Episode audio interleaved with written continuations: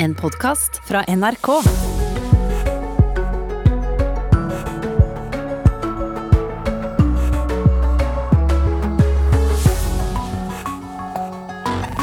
God morgen, her er Nyhetsmorgen. Fra og med i dag i sommerdrakt, selv om du nok vil si at denne sommerdrakten til forveksling er lik den vanlige drakten vi bruker. For straks så skal du få høre at USA har gjennomført nye luftangrep i grenseområdet Irak og Syria mot iranskstøttede opprørere.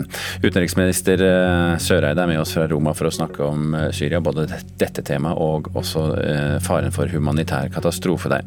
Og så skal vi dyppe tåene i valgkampen også. Helsepolitikk er tema i dag. I det ene hjørnet Høyre, i det andre Senterpartiet, og slagene har begynt å falle. Skal dessuten gi deg noen tips om hvordan du kan ta med deg barn eller barnebarn, eller eh, bare din, deg selv, egentlig, i fornøyelsesparken i sommer uten å sprenge feriebudsjettet. Nyhetsmorgen i dag med Birger Kolsrud Jåsund i studio. Ja, I natt har USA gjennomført nye luftangrep i Irak og Syria. Ifølge amerikanske myndigheter så var målet for angrepet anlegg som eh, blir brukt av iransk-støttede opprørere, og angrepene skal ha skjedd etter ordre fra president Joe Biden. Korrespondent eh, Sissel Wold, eh, skal vi bare ta det først. Hvilke mål er det vi egentlig snakker om her? Ja, Ifølge Pentagon så var målene kommandosentre og våpenlagre to steder i Syria og ett sted i Irak. Eh, og fra disse fasilitetene, eller sentrene, så har disse iranskstøttede gruppene utført flere droneangrep i år mot amerikanske mål. Og Det er jo nå meldt om flere som skal være drept i disse angrepene. Hva vet vi mer om antallet der? Ja, Pentagon har ikke nevnt noe om drepte eller skadde, men aktivistgruppen Syrian Observatory for Human Rights sier at fem militante ble drept og flere andre ble skadd. Og Syrias statlige nyhetsbyrå Sana sier at ett barn ble drept og tre andre skadet. Men, men Hva er grunnen til at dette skjer akkurat nå, Sissing? Jeg tror at eh, president Biden vil sende et klart signal til Iran. Fordi at dette er en kritisk tid for denne atomavtalen, som vi husker at Donald Trump torpederte.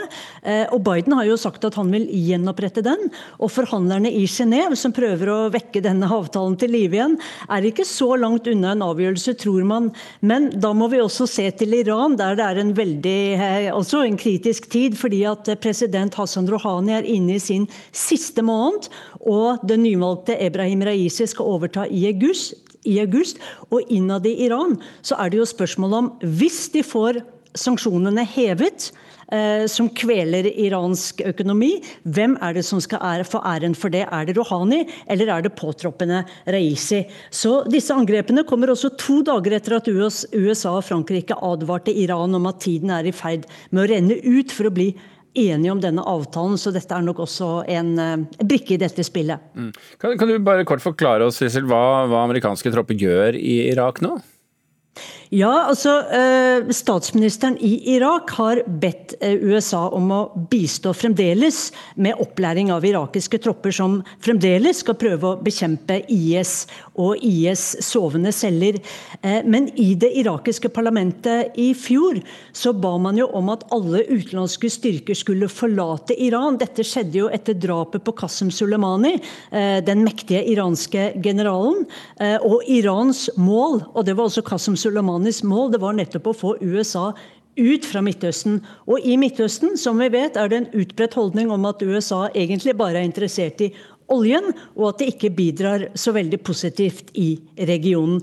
Men eh, John Kirby i Pentagon sier at dette var et forsvarsangrep eh, fra USAs side, og at det har skjedd flere angrep mot amerikanerne.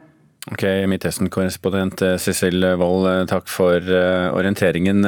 Utenriksminister Ine Eriksen Søreide, god morgen. God morgen. Amerikanerne har altså angrepet målet i Syria igjen. Lar du deg overraske? Jeg er ikke så veldig overraska over dette, og jeg regner med at vi kommer til å høre mer om det både under koalisjonsmøtet mot ISIL som begynner nå om noen få timer, og også på G7-møtet om Syria. Jeg regner med at amerikanerne da også kommer til å eh, utrede nærmere om eh, hvorfor det kommer akkurat nå, og hvilke mål de hadde med angrepet.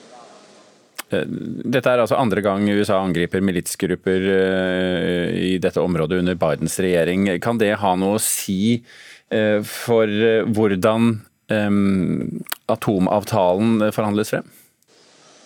Ja, det er jo mange brikker i spill knytta til forhandlingene om atomavtalen. og Tidsvinduet er også veldig kort for å komme fram til en enighet. Det har både å gjøre med maktskiftet i Iran, men det har også å gjøre med den kunnskapen Iran har tilegna seg som ikke er reversibel, og også den eh, økte anrikinga av uran de nå driver med, på en måte som bryter atomavtalen. Så tidsvinduet er kort, og man skal selvfølgelig ikke utelukke at dette også har en påvirkning her. Eh, men det er jo også et veldig tydelig bilde på en urolig urolig region, eh, hvor eh, amerikanerne da også stadig er under angrep. Du, nevnte to organisasjoner du er invitert til å snakke Eh, og, orientere i dag. Altså G7 på den ene siden, og det andre denne globale koalisjonen som kjemper mot terrorgruppen IS. Men Søreide, IS er ikke de nedkjempet da?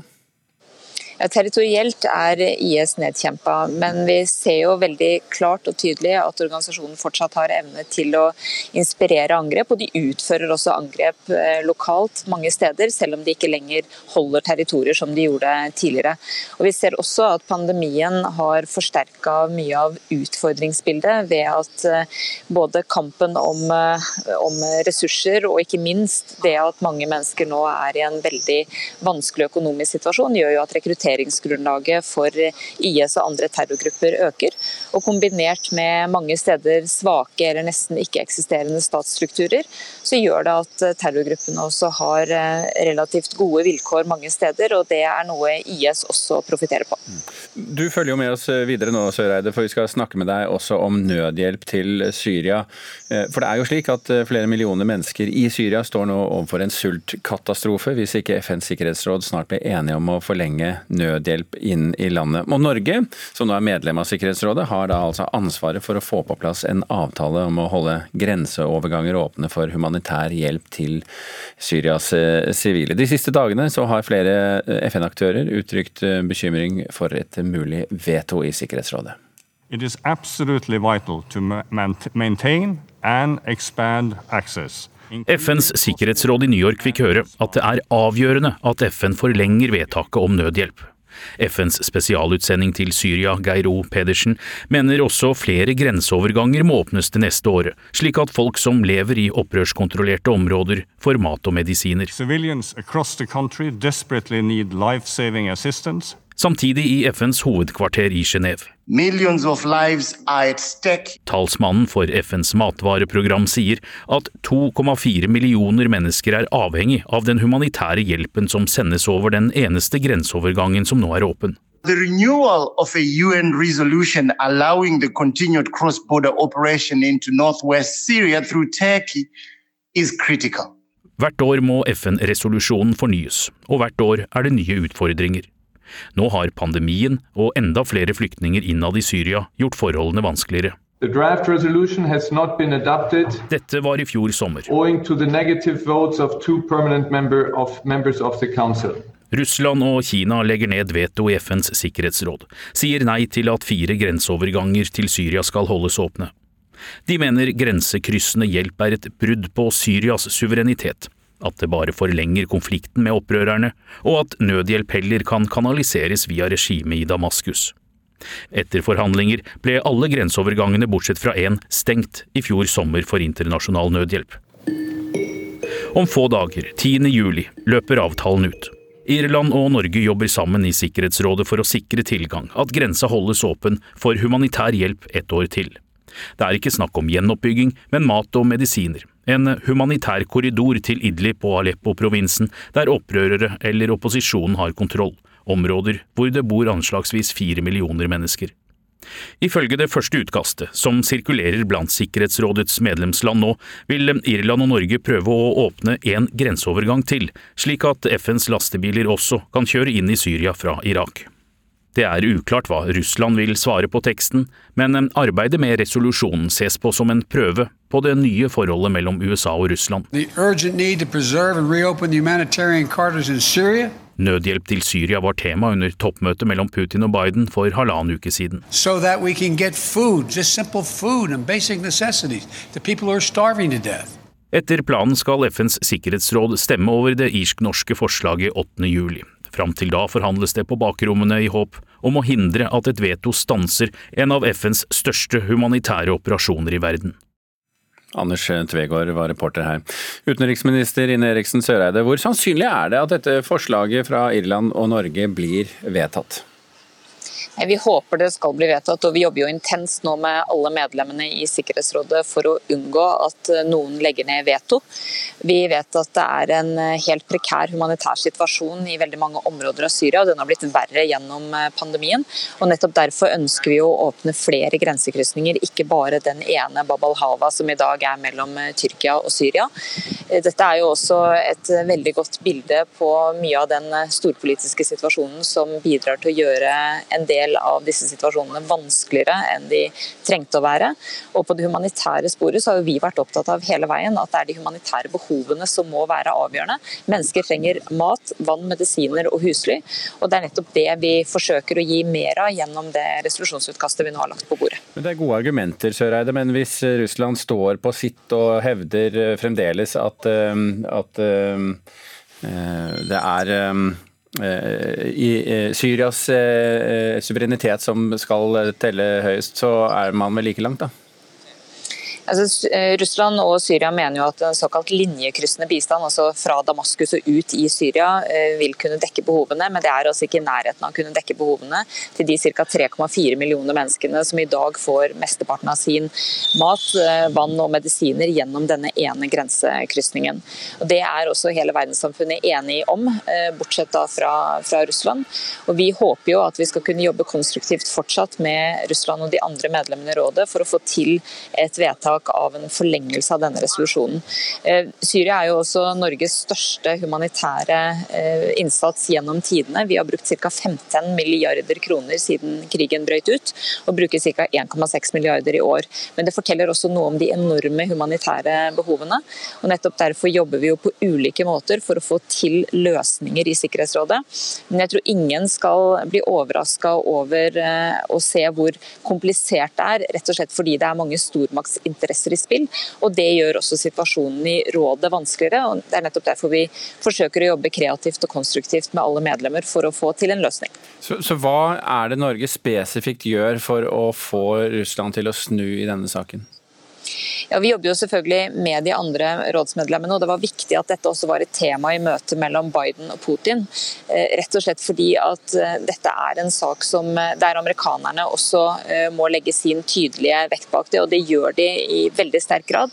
Det betyr mye for mulighetene til å kunne lykkes. Det er ingen garanti for å lykkes, fordi det kan være andre forhold som spiller inn til syvende og sist. På den annen side så påtar jo Russland seg et enormt ansvar dersom de blokkerer resolusjonen. Eh, og det er jo som Anders Tvegård sa i reportasjen, det har jo vært flere overganger tidligere i konflikten. Det har blitt færre, og russerne signaliserer jo tydelig også at de ikke ønsker en videreføring. Da er vår jobb sammen med Irne og de andre medlemmene i rådet å forsøke å finne løsninger som kan f.eks. kombinere både grensekryssende og linjekryssende bistand på en måte som gjør at hjelpa kommer fram til de som trenger det. Er du håpefull? Jeg er alltid håpefull, og vi har eh, fantastisk dyktige diplomater i New York og her hjemme som eh, jobber døgnet rundt med dette nå. Eh, men samtidig kommer nok også de neste dagene til å definere veldig tydelig hva som er mulig å få til, hvilket mulighetsrom vi har. Og da må alle gode krefter spille sammen. Og når skal Sikkerhetsrådet stemme over dette? Det skal skje 8. juli. Ok, utenriksminister Ine Eriksen Søreide, takk for at du var med oss fra Roma.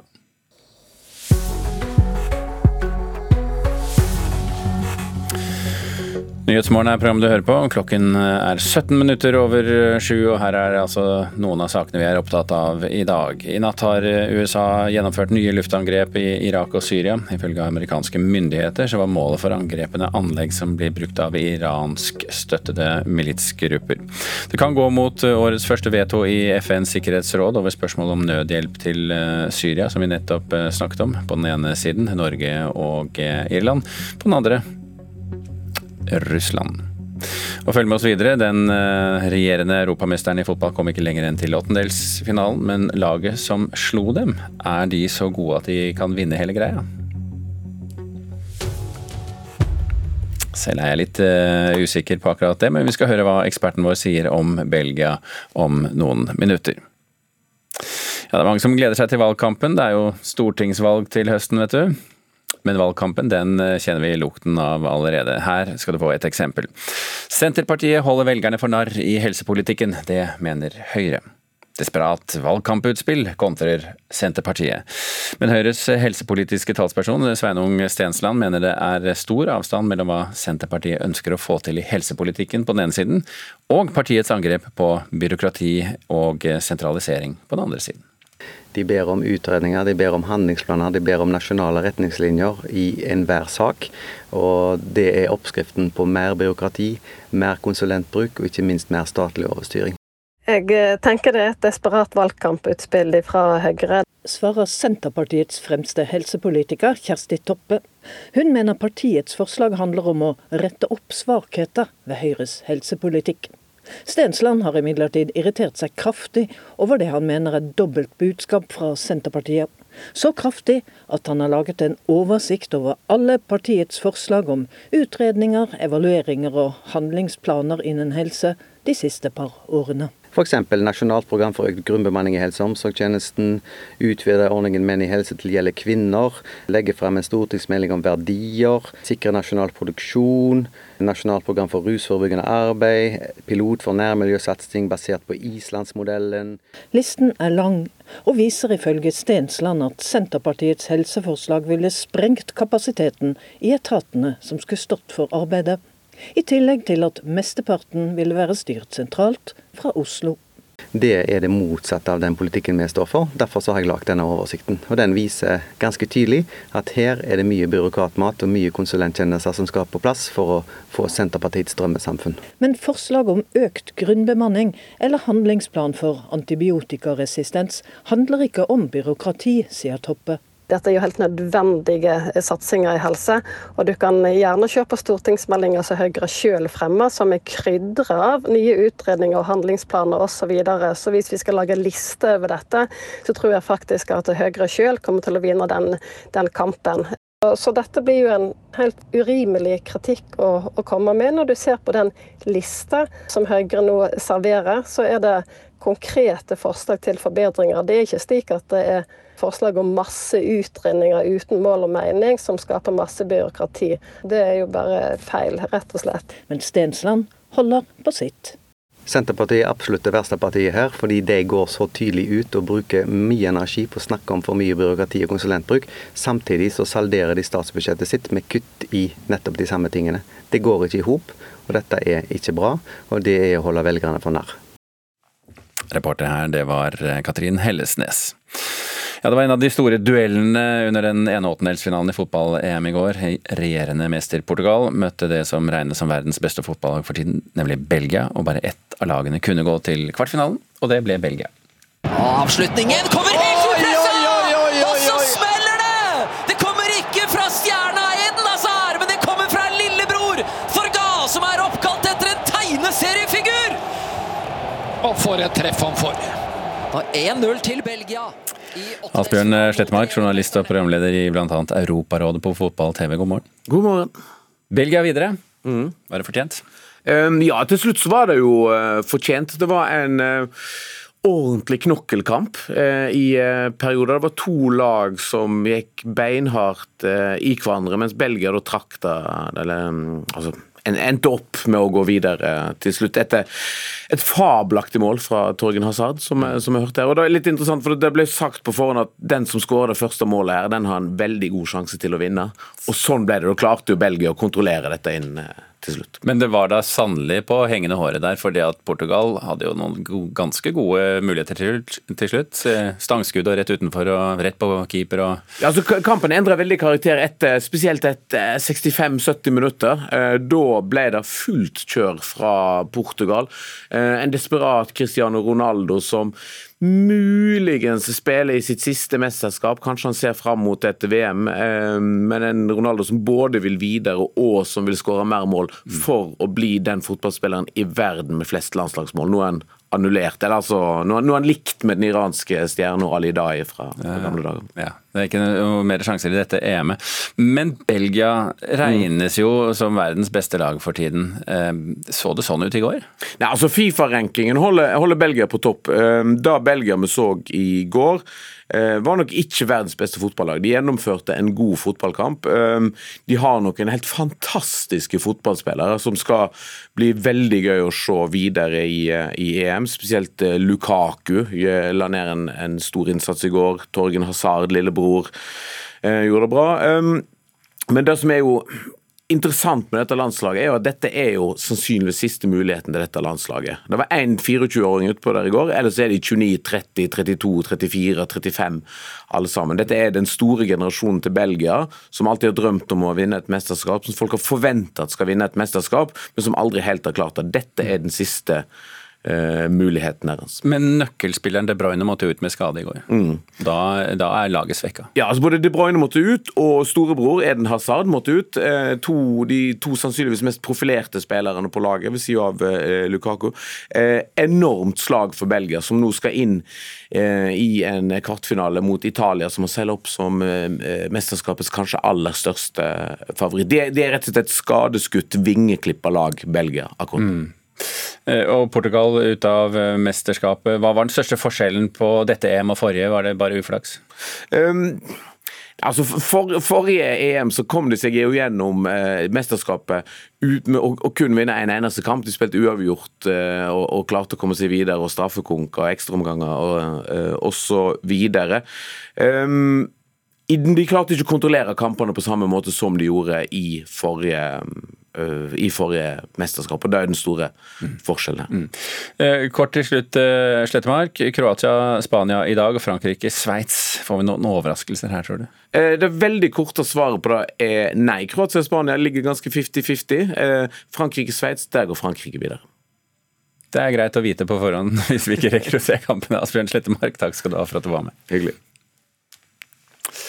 Vi skal uh, runde av denne halvtimen uh, her i Nyhetsmorgen med fotograf, fødselsfotograf Eva Rose Furmyr. Hun har base i Tønsberg, og sammen med samboeren så reiser de landet rundt i sin bil for å fotografere og filme fødsler. Men pga. pandemien så har de bare deltatt i hjemmefødsler det siste året. Så, så selv om jobben tar dem landet rundt, så elsker de dette arbeidslivet. Det er dette som er jobben til Eva Rose Furmyr og samboeren. De foreviger øyeblikkene under fødselen og får være der i sekundene når et nytt barn kommer til verden. Dette var en trang fødsel, ja. Da koronapandemien kom til Norge, var paret i USA for et ettårig dokumentarprosjekt som måtte avbrytes. Hjemme i Tønsberg var én leilighet solgt for å betale reisen, mens den andre var utleid for et år. Også i 2018 reiste paret rundt i landet i bobil i forbindelse med et annet prosjekt, noe som inspirerte dem til å få et nytt hjem på fire hjul. Vi elsker denne friheten det vanlife gir oss. Og spesielt med en såpass uforutsigbar jobb som vi begge har, så er det noe med å kunne bare sette seg i bilen og reise dit fødselen er. For en fødsel, du vet aldri når den skjer. Og jeg står nå på vakt to uker før termin og to uker etter. Så plutselig så eh, reiser vi til et sted og må være der en hel måned. Eva er tredjegenerasjons fotograf, og fascinasjonen for fødsler startet tidlig. Som syvåring fikk hun være med da lillesøster ble født. Så var jeg på en måte frelst. Jeg syns føding var helt fantastisk rått. Så det å få lov til å jobbe med dette her nå i 23 år, er helt rått. Jeg elsker jobben min. Thea Barlaug og samboeren er bosatt i Andebu i Vestfold. Da hjemmefødselen endte på sykehuset, var det godt for dem at Eva var der, av flere grunner. Når du føder, så vet du jo ikke hvilken, i hvert fall ikke på sykehus, da, hvilken jordmor du har eller hvem du møter. Selv om du ikke kjenner kanskje fotografen fra før, så er det et menneske du har valgt selv. Da. Altså, det er noe du har kontroll på i en setting hvor du egentlig har ganske lite kontroll. Nå ble jo min eh, siste fødsel ganske heftig og, og kjip på mange måter. Sånn at eh, selve de bildene har jo kanskje også vært med på å bidra at jeg husker mer, og at jeg husker fine og gode øyeblikk som jeg sikkert ikke ville ha sittet med i dag um, dersom ikke hun hadde vært der og tatt bilder. Da. For Eva er det også viktig å vise at det ikke er skummelt å føde. På Instagram har hun nærmere 150 000 følgere på kontoen sin Eva Rose Birth. Her blir noen av bildene brukt til å vise en fødsel, helt usensurert. Det kan være litt sånn kraftig kost for eh, folk som ikke har sett dette her før. Men uten unntak så får jeg melding fra alle sammen som sier at jeg begynte å se litt og fikk helt noiaen og måtte liksom gå litt eh, vekk. Men likevel så kjente de at det ble trigga til å ville se mer. Så det, det roa seg litt, så gikk det inn igjen. og følger meg fast nå og sier at nå syns jeg det er helt rått å se på de bildene, men det var litt vanskelig i begynnelsen. Og det, det kan jeg forstå. Jeg har nå både jordmødre og leger som jeg samarbeider med, som hjelper meg med tekster. Det er litt sånn fint å kunne ha helsepersonell rundt som jeg kan lene meg på. Sånn at vi kan sammen spre det visuelle budskapet. Jordmor Anne Fjellberg, som jobber på Rikshospitalet i Oslo, roser Evas arbeid. Samtidig ber hun kommende mødre tenke seg godt om før de lar seg eksponere på nett og i sosiale medier. Samtidig så ser jeg at, at bildene har hjulpet mange også til å tenke å, men sånn kan jeg kanskje gjøre det, ja. Eller å se den historien. Den lignet min. Så jeg tenker det er godt at man har forskjellige ting man kan velge, og så må alle være ærlige med seg sjøl og kjenne litt på hva som passer for, for hver og enkelt. Reporter i denne saken, det var Pernille Aubert Gilje. Ja, klokka begynner å nærme seg 7.30. Det kan jo være én av forklaringene til at uh, Tone Nordahl har kommet inn i studio her, for hun skal gi deg nyhetene i oppsummert timinuttersversjon nå klokken halv åtte. Og etter det så skal vi snakke om fornøyelsesparkene som venter storinnrykk av barnefamilier i år. Selvfølgelig noe tilbakeholdt det siste året, som alt skal ut denne sommeren. Men vi skal gi deg noen tips om hvordan du kan gjøre dette besøket eh, uten å sprenge feriebudsjettet, for det er jo muligheter å bruke penger på sånne steder. Nå altså snart eh, Dagsnytt. Sommer i P2. Jeg ble beskyldt for å være rasist. Med ett var jeg selve klisjeen på en reaksjonær 63 år gammel hvit gubbe fra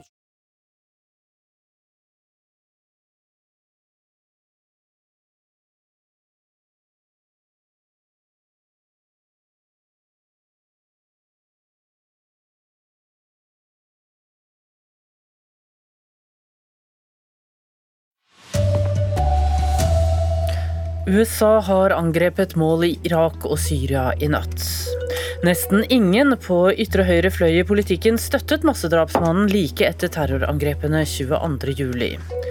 Og politiet advarer om at folk ikke kan regne med å få nødpass i år. God morgen. Her er NRK Dagsnytt, klokka er 7.30. Ja, USA har altså gjennomført luftangrep mot mål i Irak og Syria i natt, og minst fem mennesker skal være drept i angrepene. Reporter Anders Tvegård, hva er det som har skjedd i natt? Foreløpig er det bare det amerikanske forsvarsdepartementet som har kommentert, og der heter det at amerikanerne har angrepet kommandosentral og våpenlagre to steder i Syria og ett i Irak. Dette skal være baser som har blitt brukt for å sende droner med eksplosiver eller missiler mot eh, amerikanske mål.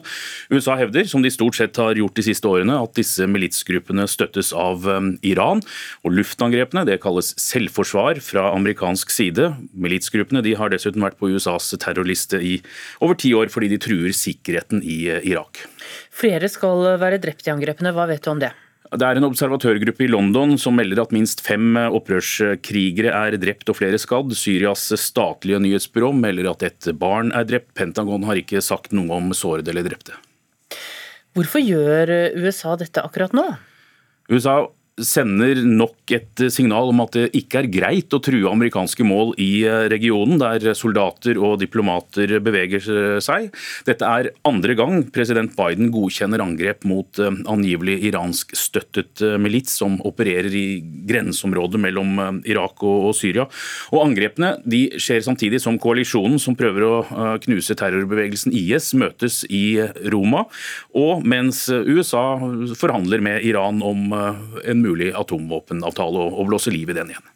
Takk, eh, Anders Tvegård. Og I Roma der er også utenriksminister Ine Eriksen Søreide. Hun sier det ikke er uventet at disse angrepene skjer nå. Jeg er ikke så veldig overraska over dette, og jeg regner med at vi kommer til å høre mer om det både under koalisjonsmøtet mot ISIL som begynner nå om noen få timer, og også på G7-møtet om Syria. og regner med at amerikanerne da også kommer til å eh, utrede nærmere om eh, hvorfor det kommer akkurat nå, og hvilke mål de hadde med angrepet. Det sa utenriksminister Ine Eriksen Søreide. Folk som i siste liten oppdager at passet har gått ut på dato, kan ikke regne med å få utstedt nødpass. Det sier politiinspektør Toril Sorte i Sør-Øst politidistrikt. Vanligvis søker rundt 700 000 personer om nytt pass hvert år. I fjor var det bare rundt 300 000 passøknader fordi de fleste av oss holdt oss hjemme. Og Sorte sier at flere land nå ikke godtar nødpass.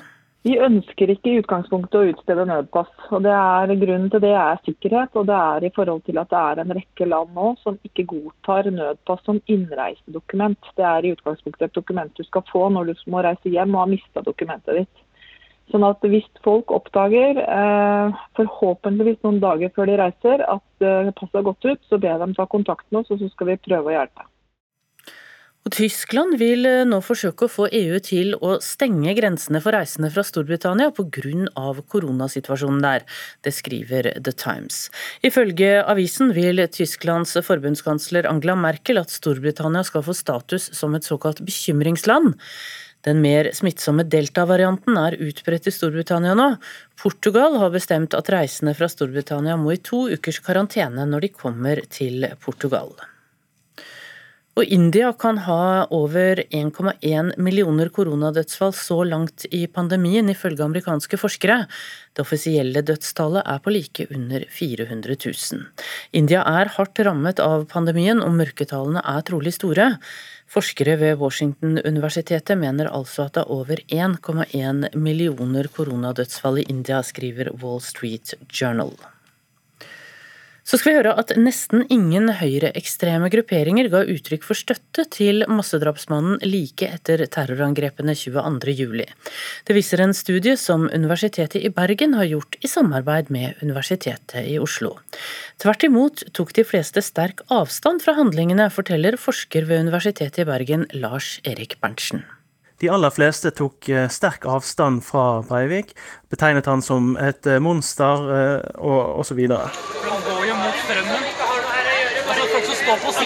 Terrorangrepene 22.07.2011 var et av de verste terrorangrepene i moderne europeisk historie.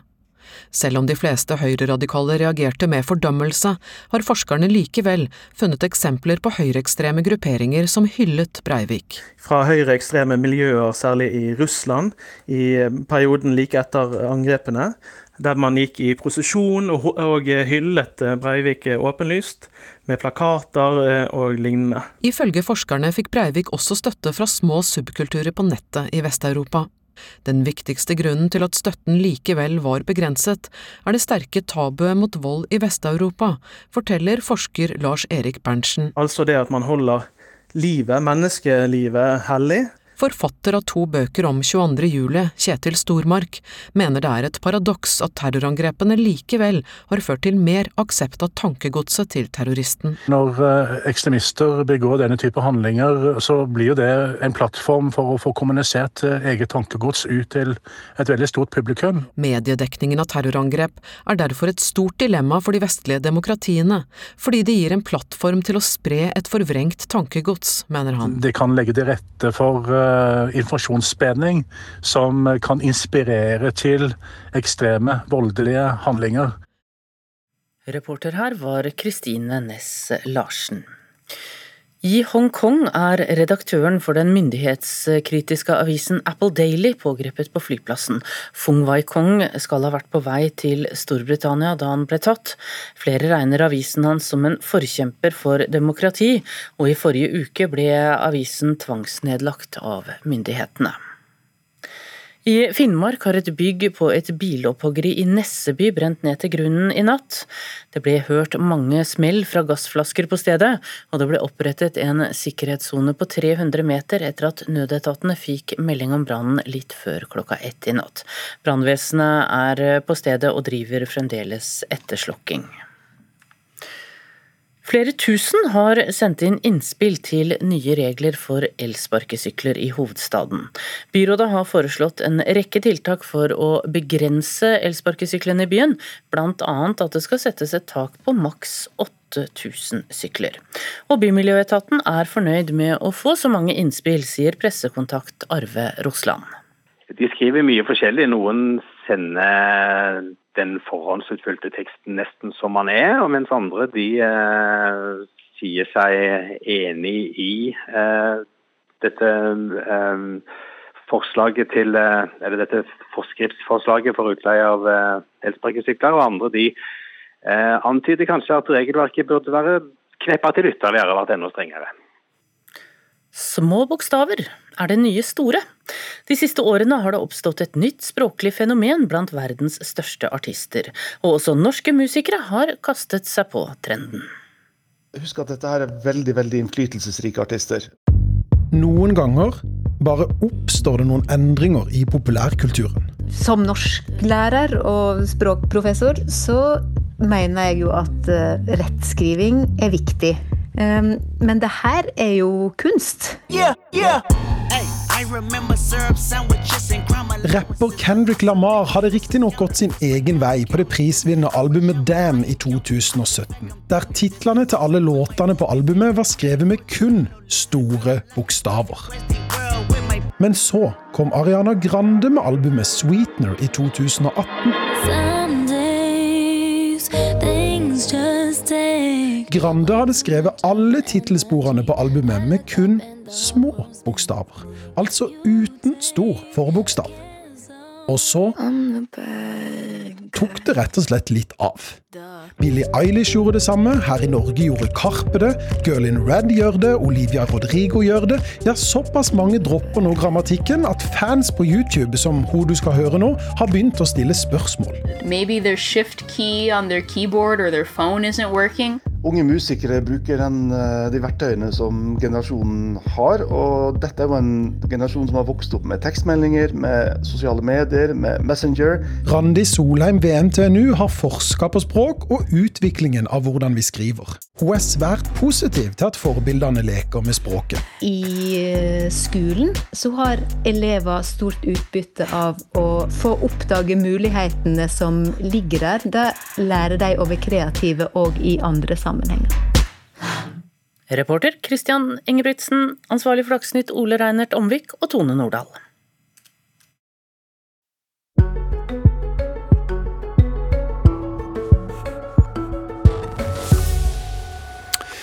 Dersom pandemien og de eh, følgende restriksjonene tillater det, så ligger det an til storinnrykk fra barnefamilier på fornøyelsesparker og badeland i sommer. Og For en familie så koster en dag på de største og mest kjente parkene fort flere tusen kroner, og så skal man jo ha mange andre ting i tillegg. Her skal du få noen tips til hvordan du kan besøke ferieparker uten å sprenge feriebudsjettet. Ja, jeg står i eh, Kjuttaviga på det som er en eh, veldig rolig tirsdags eh, her i Dyreparken. I fjor var det meste stengt pga. koronapandemien. Tidligere i dag var det stor usikkerhet på Hundefossen familiepark i Lillehammer. Der står mye på spill. Men i år ventes det storinnrykk av barnefamilier på badeland og fornøyelsesparker. Det er bare én vei ned, altså. Klare? Én, to, tre. En prissjekk på de store parkene viser at en familie på to voksne og to barn må ut med nesten 2000 kroner for en dag i en av parkene når det er høysesong i sommer. Hva?! Det, det, er ikke mulig! Men det fins måter å spare i hvert fall litt på. Elisabeth Landsverk, du er privatøkonom og har noen tips og triks for å besøke fornøyelsesparker uten å sprenge feriebudsjettet helt. Eh, det kan eh, være lurt å sjekke litt om du har noen rabatter, f.eks. i noe, eh, om du er med en forening eller boligbyggelag eller tilsvarende steder. For det er jo inngangsbilletter koster jo mest, kanskje, da. Men så koster det jo veldig mye inne i parken òg. Det aller meste hvis du skal spise eller unga skal ha en is. Og så går du alltid forbi en sånn her butikk på vei ut av alle attraksjoner. Og da hender det jo at det blir noen spørsmål. Så det går an å gjøre noen smarte valg der. Kanskje du skulle snakke med unga før dere drar dit, om at de kan kanskje få én ting hver, eller kanskje de kan få en ting en annen dag. Så er det vel lov å ha med seg medbrakt mat, iallfall, Ja, og ete og, drikke. Du trenger ikke kjøpe på restauranter og kiosker. Det er jo kanskje det viktigste tipset, egentlig. Ta med et eh, piknikpledd, eller, eh, eller eh, sitt på Altså, de er jo krakker og griller ofte i sånne parker. Ta med egen mat, og ta med en brus og kjøp noe smågodt på Kiwi før du reiser. Så har du på en måte spart ganske mye penger bare der. Og så er det jo viktig at det er jo for å kose seg og være sammen, og unga de har det gøy uansett hva de får når de er der. Men det kan være lurt å planlegge litt i forhånd. Mm. Så er det noen som har eh, rabatter hvis du skal besøke parken kanskje en ekstra dag. Ja, det er jo veldig ofte sånn. Eh, Så kjøp heller en sånn ekstra dag-billett i stedet for eh, to fullprisbilletter. Og veit du det på forhånd, så kan du ofte bestille Da er det ofte, oftere billigere hvis du bestiller det på forhånd. Og må du og familien bestille overnatting, er det kanskje ikke så lurt å ta det som ligger nærmest eh, fornøyelsesparken, sier Elisabeth Landsverk. Kanskje du kan finne en, eh, en fin campingplass litt eh, unna. Det er jo ofte veldig mye etterspørsel rett rundt parken og der det er nærmest. Og det er jo en grunn til det, men det er jo ofte også dyrere. Parkering koster jo fort en del. Ja, Det gjør det. Sjekk om det er noe gratis parkering i nærheten på forhånd. Google Maps, der har du mange gode tips. Så det er på en måte, hvis du, hvis du sparer litt her og litt der da, på alt du gjør gjennom hele dagen, så har du i hvert fall spart inn en del. da. Har du planer om å besøke noen ferieparker, eller? Jeg er faktisk ikke sikker i år. Plutselig så dukker det opp en park, vet du, og da kan det nok hende at det frister. Reporter her, det var eh, Stein S. Eide, var det ikke det da? Jo da, det var det. Klokken eh, er straks eh, kvart på sju. Det blir Politisk kvarter. Dvs. Si det blir Politisk sommerkvarter. Og den første ut i sommer, det er Senterpartiets eh, Ola Borten Moe. Men før den tid, for dere som nettopp nå har skrudd på radioen, la meg minne om hva som er våre viktigste saker i dag.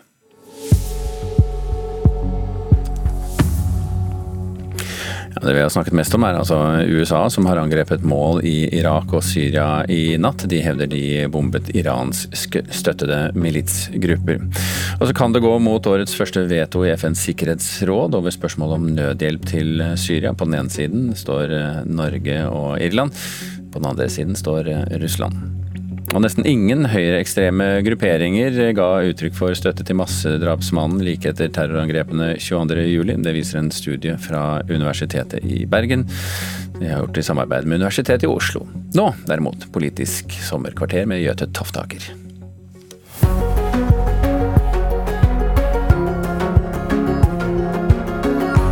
Ja, det er Ola Borten Moe. Jeg er nestleder i Senterpartiet. Jeg er førstekandidat for Senterpartiet i Sør-Trøndelag. Så er jeg plattformsjef på Draugen og bonde her på Skjefstad på Lenstrand. Nå sitter vi hjemme på gården til Ola Borten Moe, rett utafor Trondheim. Du kan forklare sjøl hva vi ser, og hvor er vi? Nei, nå ser vi utover eh, Leinstrand og Øysand. Eh, Gulosen er en av de vakreste og eldste kulturlandskapene i Trøndelag, og dermed Norge. Kan ikke du fortelle om eh, hva du driver med her? Du, her har vi flere produksjoner. Vi driver med korn, og så driver vi med kylling, og så har vi litt eh, økologisk grasproduksjon. Så nå er tid for slått. Hva betyr den plassen her for deg? Nei, Den betyr veldig mye for meg. Så det her er jo en eh, gård jeg vokste opp på, som jeg har tatt over fra foreldrene mine. Og som jeg nå driver eh, delvis i lag med brødrene min og eh, delvis med én til. Så det her er litt livsprosjektet se senit i livet. Så, og så er jeg jo en heimkjær type. Uansett hvor jeg er så er det jo det her som er plassen, og det her som er ankeret. Nå starter valgkampen for alvor. Hva er det viktigste for det å få kommunisert ut til velgerne? Nei, Det er å få stoppa den eh, hodeløse sentraliseringa og byråkratiseringa som eh, sittende regjering har eh, holdt på med nå de siste åtte årene. Det er å skape optimisme i hele landet. Det er å klare å skape arbeidsplasser, vekst og verdiskaping overalt. Rett og slett muligheter og optimisme i hele Norge. Og nå er veksten skjevt fordelt, og det er jo rikdommen og mulighetene. Og sånn syns ikke jeg at vi skal ha det. Hva blir nytt i Norge om Senterpartiet får regjeringsmakt? De å, eller Vi i Norge kommer til å oppleve at det blir mer fart på bygdene i hele Norge. Vi kommer til å oppleve at det blir mindre byråkrati, eh, mer tillit eh, fra staten til kommuner, til helseinstitusjoner, til doktorer, sykepleiere og lærere. Altså mindre rapportering. Eh, vi kommer til å oppleve at det blir lagt aktivt til rette for verdiskaping og forvaltning av naturressurser. Og så håper jeg at vi i større grad klarer å se enkeltmennesker og ikke store system. Hvem tror du blir statsminister etter valget? Det blir Trygve Slagsvold Vedum. Hvilket parti eh, vil du ha med deg i regjering? Vi skal danne regjering sammen med Arbeiderpartiet. Eh, etter forhåpentligvis å ha fått eh, flertall sammen i stortingsvalget nå til høsten. Arbeiderpartiet vil jo ha med SV også i den regjeringa. Kan dere sitte i regjering med SV? Nei, vi har ikke tenkt å sitte i regjering med SV. Vi har tenkt å sitte i regjering med Arbeiderpartiet. Altså en regjering utgått av Senterpartiet og Arbeiderpartiet. Eh, det er vår plan og ambisjon, og noe som vi har kommunisert tydelig gjennom mange år nå. Kan dere sitte i regjering med Miljøpartiet De Grønne? Det kommer heller ikke til å skje. Senterpartiet har jo også en god dose med konservative velgere. Hva skal til for å gå i en regjering med Høyre? Altså, Høyre eh, er jo noe annet nå, tenker jeg, enn eh, en det, en det, har vært tidligere. Et uh, ganske urbant og et ganske, ganske byråkratiserende uh, prosjekt. Uh, og for oss er det jo sakene som er viktige. Eh, ikke nødvendigvis fargen. Så skulle det skjedd igjen, så måtte det jo ha skjedd en fullstendig omlegging av eh, politikk i Høyre. Og at det har blitt et tradisjonelt parti som har skjedd uh, hele landet, og som har begynt å vektlagt mange av de samme sakene som vi har vært opptatt av. Nå er det lysår i forskjell mellom Senterpartiet og Høyre. Du er veldig klar på eh, nei til Miljøpartiet, men du hørtes litt mer åpen ut mot Høyre en gang framover? Nei, altså hvis eh, MDG mot formodning skulle begynne å føre eh, fornuftig politikk, så er det ikke noe veien for å samarbeide med dem heller, selvsagt. Jeg snakka med noen som bor litt lenger ut på Byneset her, og de sa du kom og skulle slå en gang. Og du hadde den største skurtreskeren. Er det noe som kjennetegner deg? veldig artig med store maskiner. Så det er jo litt Barnet i meg, vet du. Det der er jo artig. Og i tillegg så er det jo veldig mye som skjer alltid, så det er viktig at det går fort, og at du ikke bruker mer tid enn du trenger. Om jeg er i stand til å forsvare det der uten å legge inn den der at det er artig, det er, det er mer et åpent spørsmål. da. Du har jo vært olje- og energiminister. Eh, om dere havner i regjering med Ap og SV, som Jonas vil, da, eh, kunne SV ha hatt den posten? Ja, nå kommer jo ikke vi til å havne i regjering med SV, så det er jo et helt hypotetisk eh, spørsmål. Eh, men som et generelt svar så tror jeg det er lurt at eh, fagstatsrådene og partiene de representerer, eh, har ambisjoner, omsorg og et ønske om å lykkes på de feltene eh, som eh, man går inn i. Eh, enten man heter det ene eller det andre. Mer olje. Du er gründer for oljeselskapet Okea. Er du nå inhabil i alt som har med olje og gass å gjøre? Jo. En av dem som var med og starta Okea. Vi har blitt et ja, et middels stort trøndersk selskap og et veldig lite oljeselskap. Eh, drøyt 200 eh, ansatte. Det er jeg egentlig veldig stolt av å ha fått eh, vært med på de siste årene. Jeg mener at det selvsagt ikke gjør meg inhabil i, i olje- og energipolitikken like lite som det faktum at jeg er gårdbruker og bonde ikke gjøre meg inhabil i landbrukspolitikken.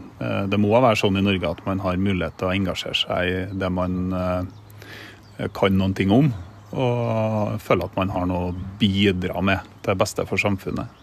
Da du var olje- og energiminister, så uttalte du noe sånt om at du syntes kraftmaster var pene å se på. Hva var det du sa? Jeg vet ikke om jeg sa det, men det gikk jo en debatt den gangen knytta til ei kraftframføring på Vestlandet, der mange mente at vi måtte grave ned hele sentralnettet vårt til en kostnad på et, altså et fantasibeløp, hundrevis, om ikke tusenvis av milliarder. Det var den debatten som da fikk navnet monstermaster? Korrekt.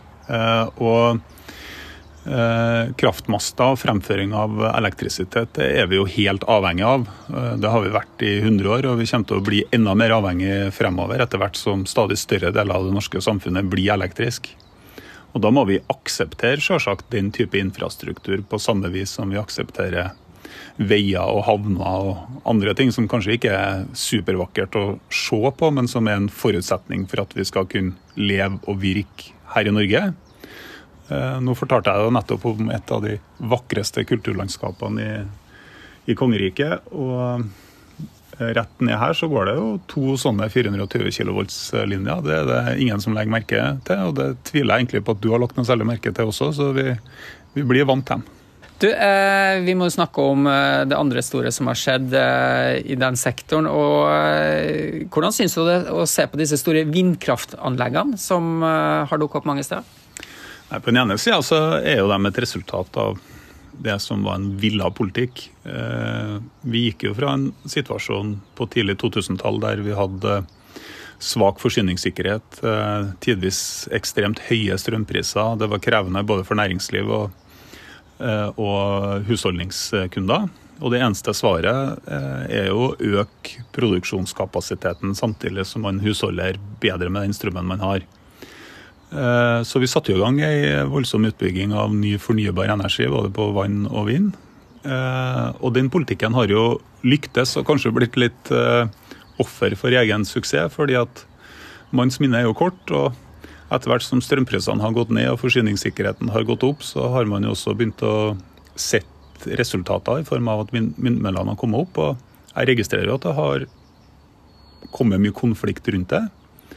Det beklager jeg for så vidt, men det er jo også sånn at det er jo ingen kommuner som har fått de her anleggene uten at man har ønska det og aktivt eh, ønska det. Eh, og så tror jeg bare at det er en påminning om det som er en evig sannhet i norsk eh, energi- og miljøpolitikk, og det er at det er et, et konfliktforhold mellom på den ene sida å aktivt utnytte ressursene, og på den andre sida å ta i bruk natur for å skaffe nødvendig energi. og den debatten er jo på ingen måte ferdig. Eh, nå er jo en felles politisk ambisjon at vi skal erstatte fossil energi med, med fornybar kraft. Den må produseres et sted, og, og, det kommer til å vises. Mm. Ja, Du er jo inne på det. Vindkraft har jo blitt kjempekonfliktfylt mange steder. Hva syns du vi skal gjøre med vindkraftutbygging framover? Jeg tror for det første at det er gjort grep gjennom de siste årene som eh, er hjelp som. Eh, så det er nok bedre prosesser nå enn det var for 10-15 år siden. Eh, og så er det uhyre viktig for Senterpartiet at man ikke bygger ut vindkraft der kommunene ikke vil ha det. Eh, men tror du noen vil ha det, da? Jeg vil gjerne ha strømmen, men kanskje ikke ha vindkraftanleggene der? Ja, Det kommer litt an på, fordi at en del kommuner er jo også fornøyd. Nå var jeg akkurat i, i Åfjorden. Der har det jo generert eh, ganske store inntekter for lokalsamfunn. Eh, bedre veier, eh, investeringer i infrastruktur og en god del arbeidsplasser. Men om det er bildet framover, det vet ikke jeg. Det handler jo litt om at lokalsamfunn får igjen en rimelig andel av den verdiskapinga som faktisk skjer. Så tror nok jeg at store vindkraftutbygginger på land det blir ikke på en stund nå. Nå er det neste i Norge det er å se om vi klarer å utnytte de vindressursene som er i havet. Og der vises de jo ikke. Det er jo oljearbeidere og fiskere og de som kjører båt som er ute der. Så det er jo grunn til å tro at det blir betydelig mindre konfliktfylt enn det vi har opplevd på land de siste årene. Hvem er din favorittpolitiker på andre sida av den politiske streken? Ja, da vil jeg nevne to som jeg egentlig har stor respekt for, som ligger i hver sin ende av det politiske eh, spektrumet. Og det ene er jo Aslak Sira Myhre, eh, gamle Rødt-lederen, som nå er nasjonalbibliotekar. Han syns jeg er en eh, både en modig og relevant eh, stemme. Eh, alltid interessant eh, å høre på, og dyktig. Og så vil jeg også gi litt honnør til Jon Georg Dale, som nå slutter på Stortinget for Fremskrittspartiet. Han syns jeg òg har vært en sånn stødig type i de postene han har bekledd. Virker kompetent og dyktig. Hva har vært det beste for deg under koronapandemien? Et litt roligere liv. Mindre reising. Altså det, er mye, det, er mye, man har savna under korona, men flyplassterminaler er i hvert fall ikke det som står øverst på lista mi. Hva er din favorittsommeraktivitet? Det er litt det jeg skal til med nå, som er en kombinasjon. Altså Det er slått inn og arbeid på gården og finvær. Og så skal vi brenne bål i kveld og nyte sola. Og begge deler i kombinasjon blir kjempebra. Vi må snakke om fylkessammenslåing. Hvilke av dem vil dere reversere? Ja, vi har vært klokkeklare på eh, Troms og Finnmark og på Viken. Eh, og for øvrig så er det jo sånn at eh, de som er tvangssammenslått, og som har et ønske om å gå fra hverandre igjen, bør få en mulighet til det. Du sitter jo i Trøndelag. Det er ingen som protesterer her? Nei, her har det på den ene sida gått bra. Jeg tror ikke det blir noe sak her, og heller ikke Senterpartiet kommer til å ta opp igjen diskusjonen rundt sammenslåingen av de to trøndelagsfylkene. Men på den andre sida, vi har jo i motsetning til andre vært sammen i tre år nå. Så det er jo grunnen til at man kan jo ta en fot i bakken. Og hvis du gjør det og spør deg sjøl hva fylkessammenslåinga har betydd i form av positiv merverdi for oss som bor her, altså bedre fylkesveier, bedre videregående skoler, mer tannhelse, så tror jeg egentlig at ingen har merka noen verdens ting. Så Trøndelag har ikke blitt noe bedre plass av dette her. Vi har kanskje tvert imot bare pådratt oss en mengde transaksjonskostnader og store konsulenthonorar. Og så har jo Nord-Trøndelag gamle Nord-Trøndelag mista mange av de institusjonene og kulturbærerne som var viktige for dem. Ole Borten Moe, tusen takk for praten og lykke til med valget. Jo, takk for det.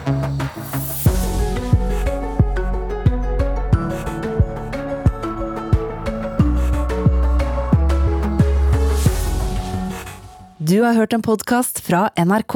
Hør flere podkaster og din NRK-kanal i appen NRK Radio.